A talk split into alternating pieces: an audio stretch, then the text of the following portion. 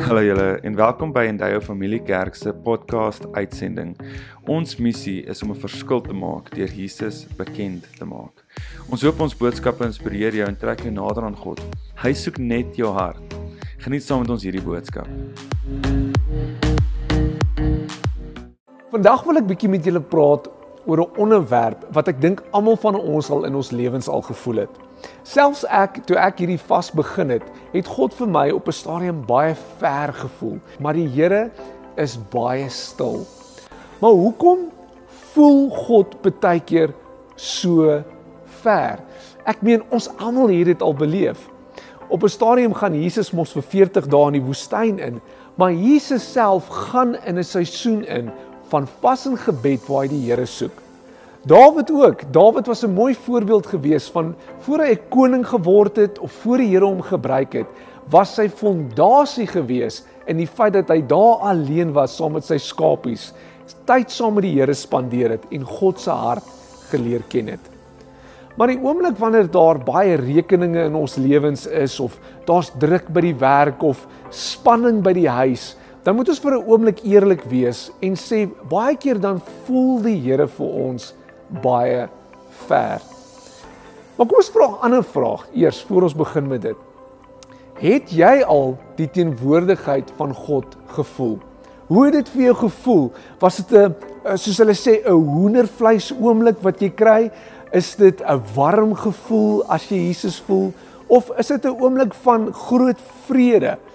Dink vir 'n oomblik daaraan, waar het jy al die Here gevoel in jou lewe? Ons almal weet wat dit is om die teenwoordigheid van Jesus te voel. So wanneer God nie daar is nie of ons voel hom nie, dan is ons ook baie ernstig bewus daarvan. Maar wat gebeur in hierdie proses? Hoekom voel God baie keer ver? Selfs wanneer dit kom in die kerk of by een of ander bedieningsgeleentheid, is dit dat 80% van die gehoor sê Here, ek sal myself openbaar aan julle, maar die ander 20% sê God, weet jy wat, ek hou nie van wat jy vandag aangetrek het nie. Jou hare is nie vir my gekam nie, so ek gaan jou nou nie my teenwoordigheid vandag wys nie. Nee, glad nie, maar wat is hierdie faktore wat dit beïnvloed? En ons gaan bietjie vandag bietjie daaroor praat. Die eerste ding wat jy moet besef is as jy nie altyd God se teenwoordigheid voel nie, is jy nie alleen nie. Hoor wat sê Psalm 88 vers 14, um, 'n Psalm van Dawid waar hy die volgende sê. Hy sê ek roep na U om hulp, Here. Vroeg in die môre al bid ek tot U. Waarom verstoot U my, Here? Waarom trek U U van my af terug? So wat sê Dawid in hierdie oomblik? Hy sê die Here voel ver. En ek meen ons praat van Dawid.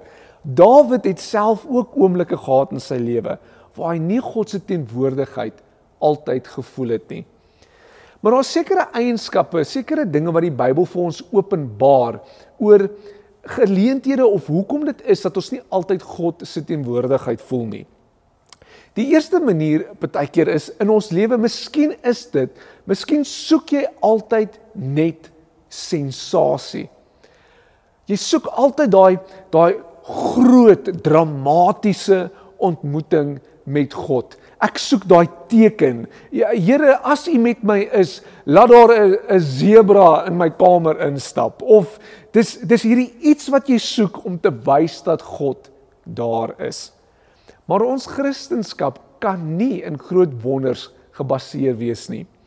Op 'n stadium kom die Fariseërs in 'n arrogante manier in gees na Jesus toe. En hulle sê die volgende vir hom in Johannes 6 vers 30 waar hulle sê hulle sê toe vir hom watter wonderteken kan u doen sodat ons dit kan sien en in u kan glo? Wat gaan u vir ons doen? Baie mense wil net God ervaar deur groot dramatiese tekens en dan is die Here daar. Ek sal nooit vergeet in my eie um verhouding met God en my eie pad wat ek saam met hom gestap het. Toe ek eers begin het, ek het NG Kerk groot geword en ons almal weet in daai tyd die NG Kerk het dinge bietjie anders te gedoen. En my eerste ervaring na skool is toe ek in 'n meer charismatiese kerk instap is daar's soveel energie. Die die orkes soos wat ons in daai tyd of die band was daar die elektriese gitaar speel en die dromme en daar die mense loof en prys en daar selfs mense wat so bietjie van 'n van 'n dans in hulle in hulle stap het. En dis dis hierdie aangrypende diens. Daar's profetiese beweging wat plaasvind En dit het vir my gevoel toe die pastoor praat, is hy besig om met my te praat, met niemand anders nie behalwe met my. En ek sal nooit vergeet nie, hy het die mense vorentoe geroep wat nog gevoel het dat die Here hulle nie vergewe het nie of wat wat om sondes bely. En ek het vorentoe beweeg um, want die Here is besig om met my te praat. En saam met my was daar so 50 ander sondaars gewees wat vorentoe gekom het. En hy begin bid vir mense en ewe skielik hier begin mense omval en ek verstaan nie wat gaan aan nie en moet ek nou ook maar gaan sit of omval of iets. En hy bid vir my maar ek val nie om nie. En ek betwyfel maar het die Here regtig met my nou gepraat?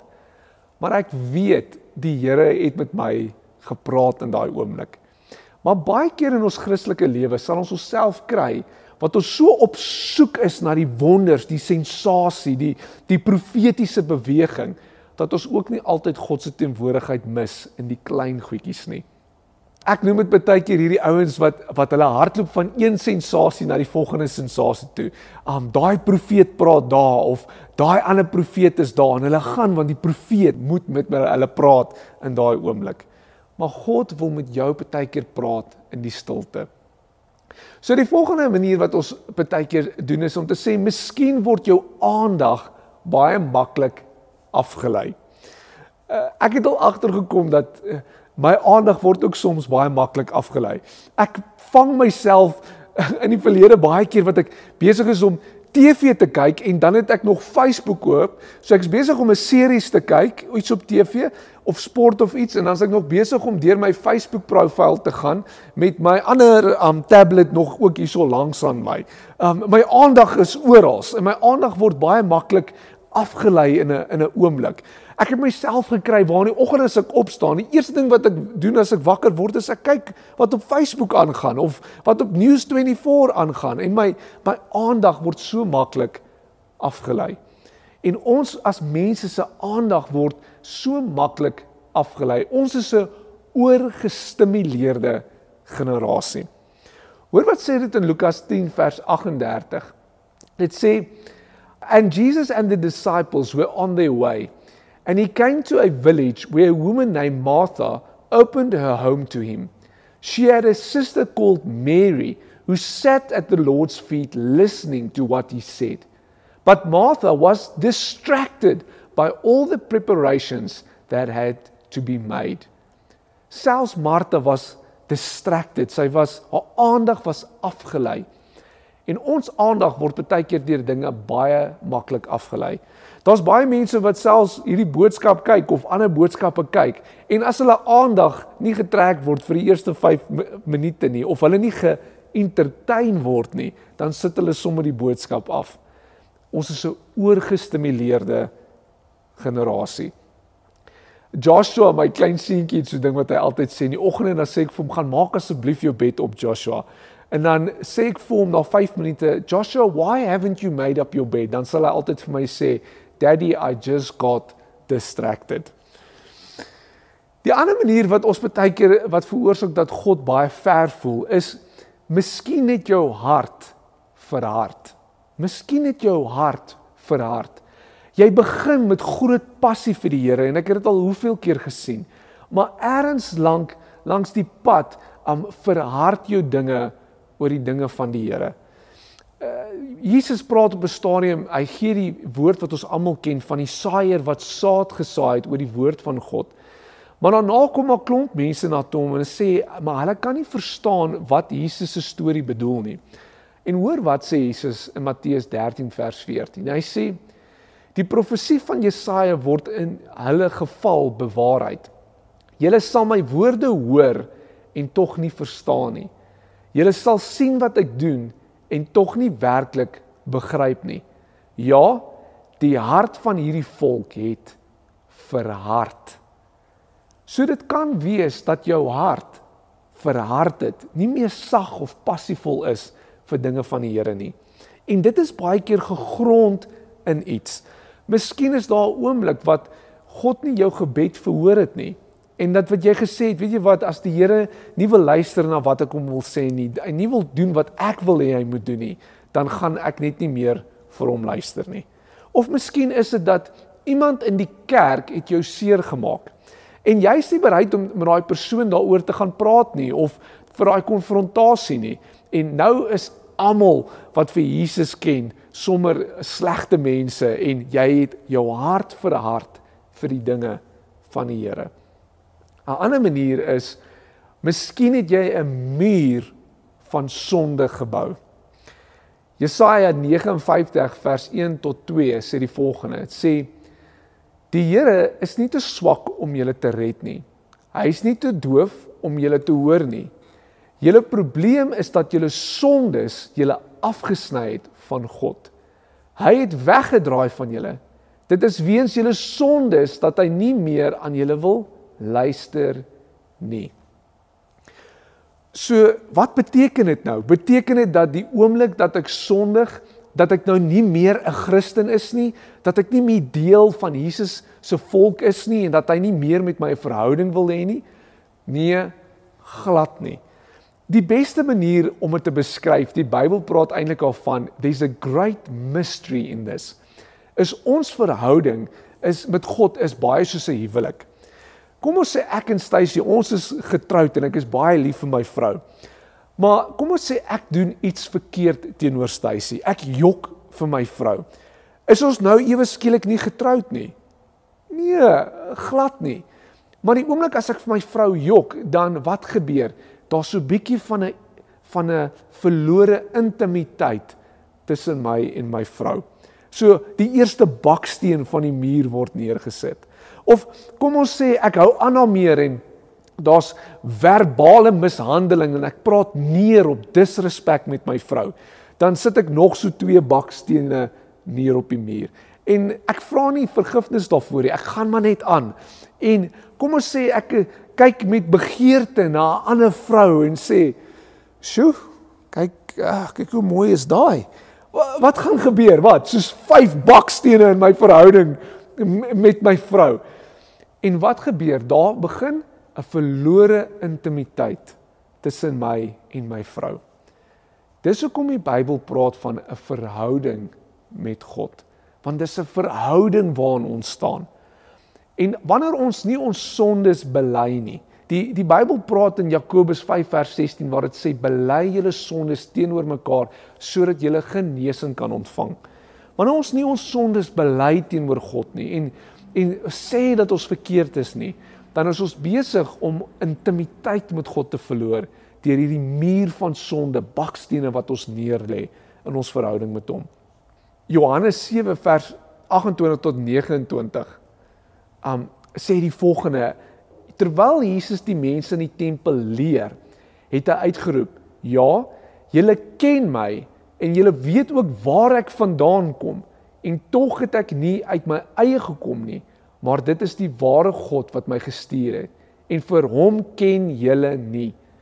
Ek ken hom omdat ek van hom afkom en hy my gestuur het. Die Here kan ook baie ver voel in ons lewens wanneer ons sê miskien ken jy nie vir God nie. Dis baie maklik. Almal kan van God weet. Die Bybel sê selfs dat die demone, die die gevalle engele weet van God, het kennis van God en hulle sidder in angs, maar hulle ken nie vir God intiem nie. So baie mense weet van God, maar hulle ken nie vir God nie. En daar's 'n groot verskil tussen kopkennis en hartkennis. En hoe kry ek hierdie hartkennis? Jy kry dit deur tyd in God se teenwoordigheid te spandeer om hom te leer ken in God se woord om tyd te spandeer. Dis regtig vir my geskok, groot skok in vandag se samelewing om te sien hoe min mense weet van God se woord. Hoeveel kennis hulle het van series en die 20 verskillende bure wat jy kry maar hulle weet regtig baie min van die Here af. So hierdie is die verskillende maniere wat uh, kan veroorsaak dat God baie ver voel in jou lewe. Maar ek is baie opgewonde oor die intimiteitsbeloftes wat God vir ons gee oor hy gee vir ons letterlik beloftes om te sê as jy hierdie goed sien en doen sal jy intimiteit met my beleef en ons gaan so 'n bietjie daaroor praat die eerste is jy sal God vind as jy hom soek hoor wat sê Jeremia 29 vers 13 hierdie belofte wat God vir ons gee hy sê you will seek me and find me when you seek me with all your heart I will be found by you declares the Lord. So God sê, as jy jou soek met my met jou hele hart, sal jy my vind. Maar baie keer wanneer dit kom by die soeke van God, dan is ons bietjie so so halfhartig daaroor.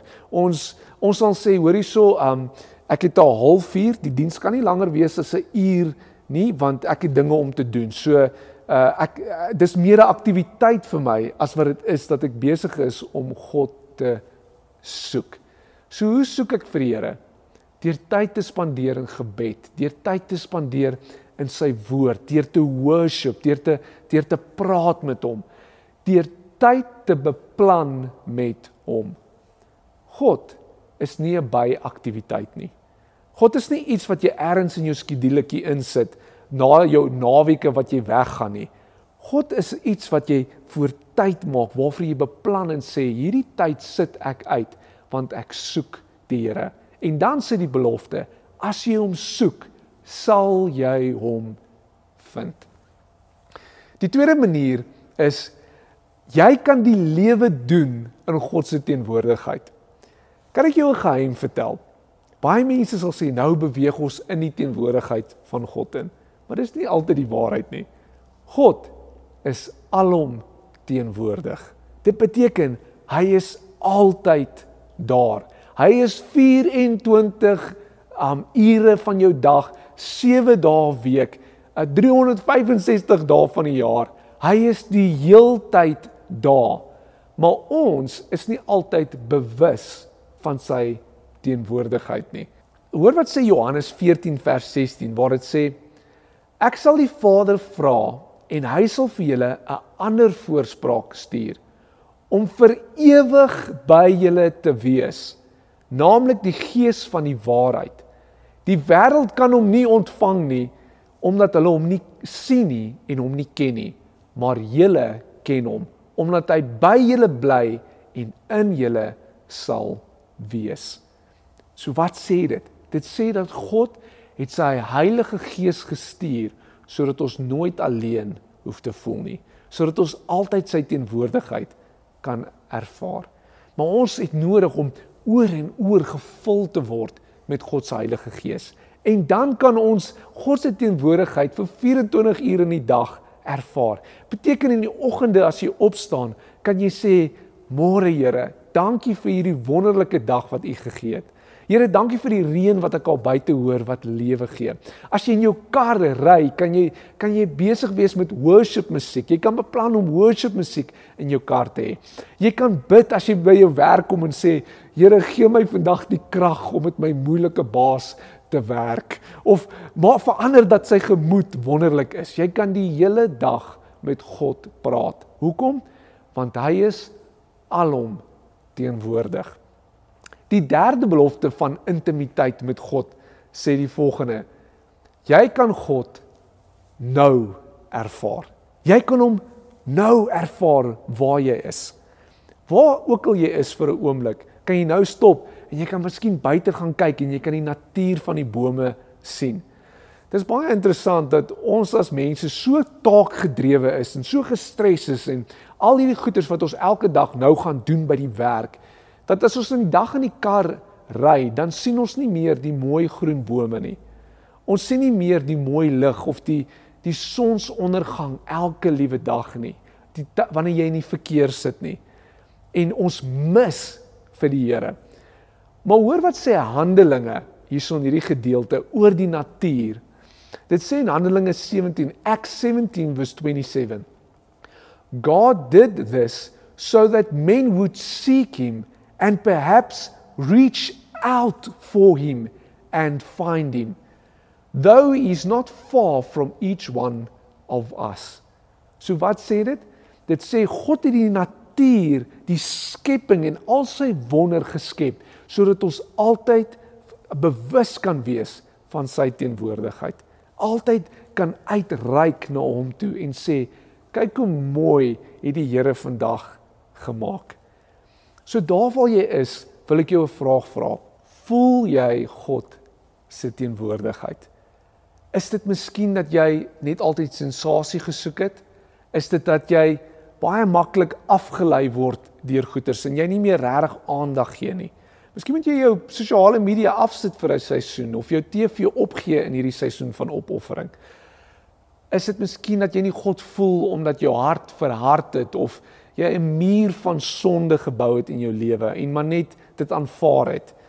Wil jy nie vir 'n oomblik net stil raak en jou sondes bely by God sodat jy daai intimiteit kan terugkry nie?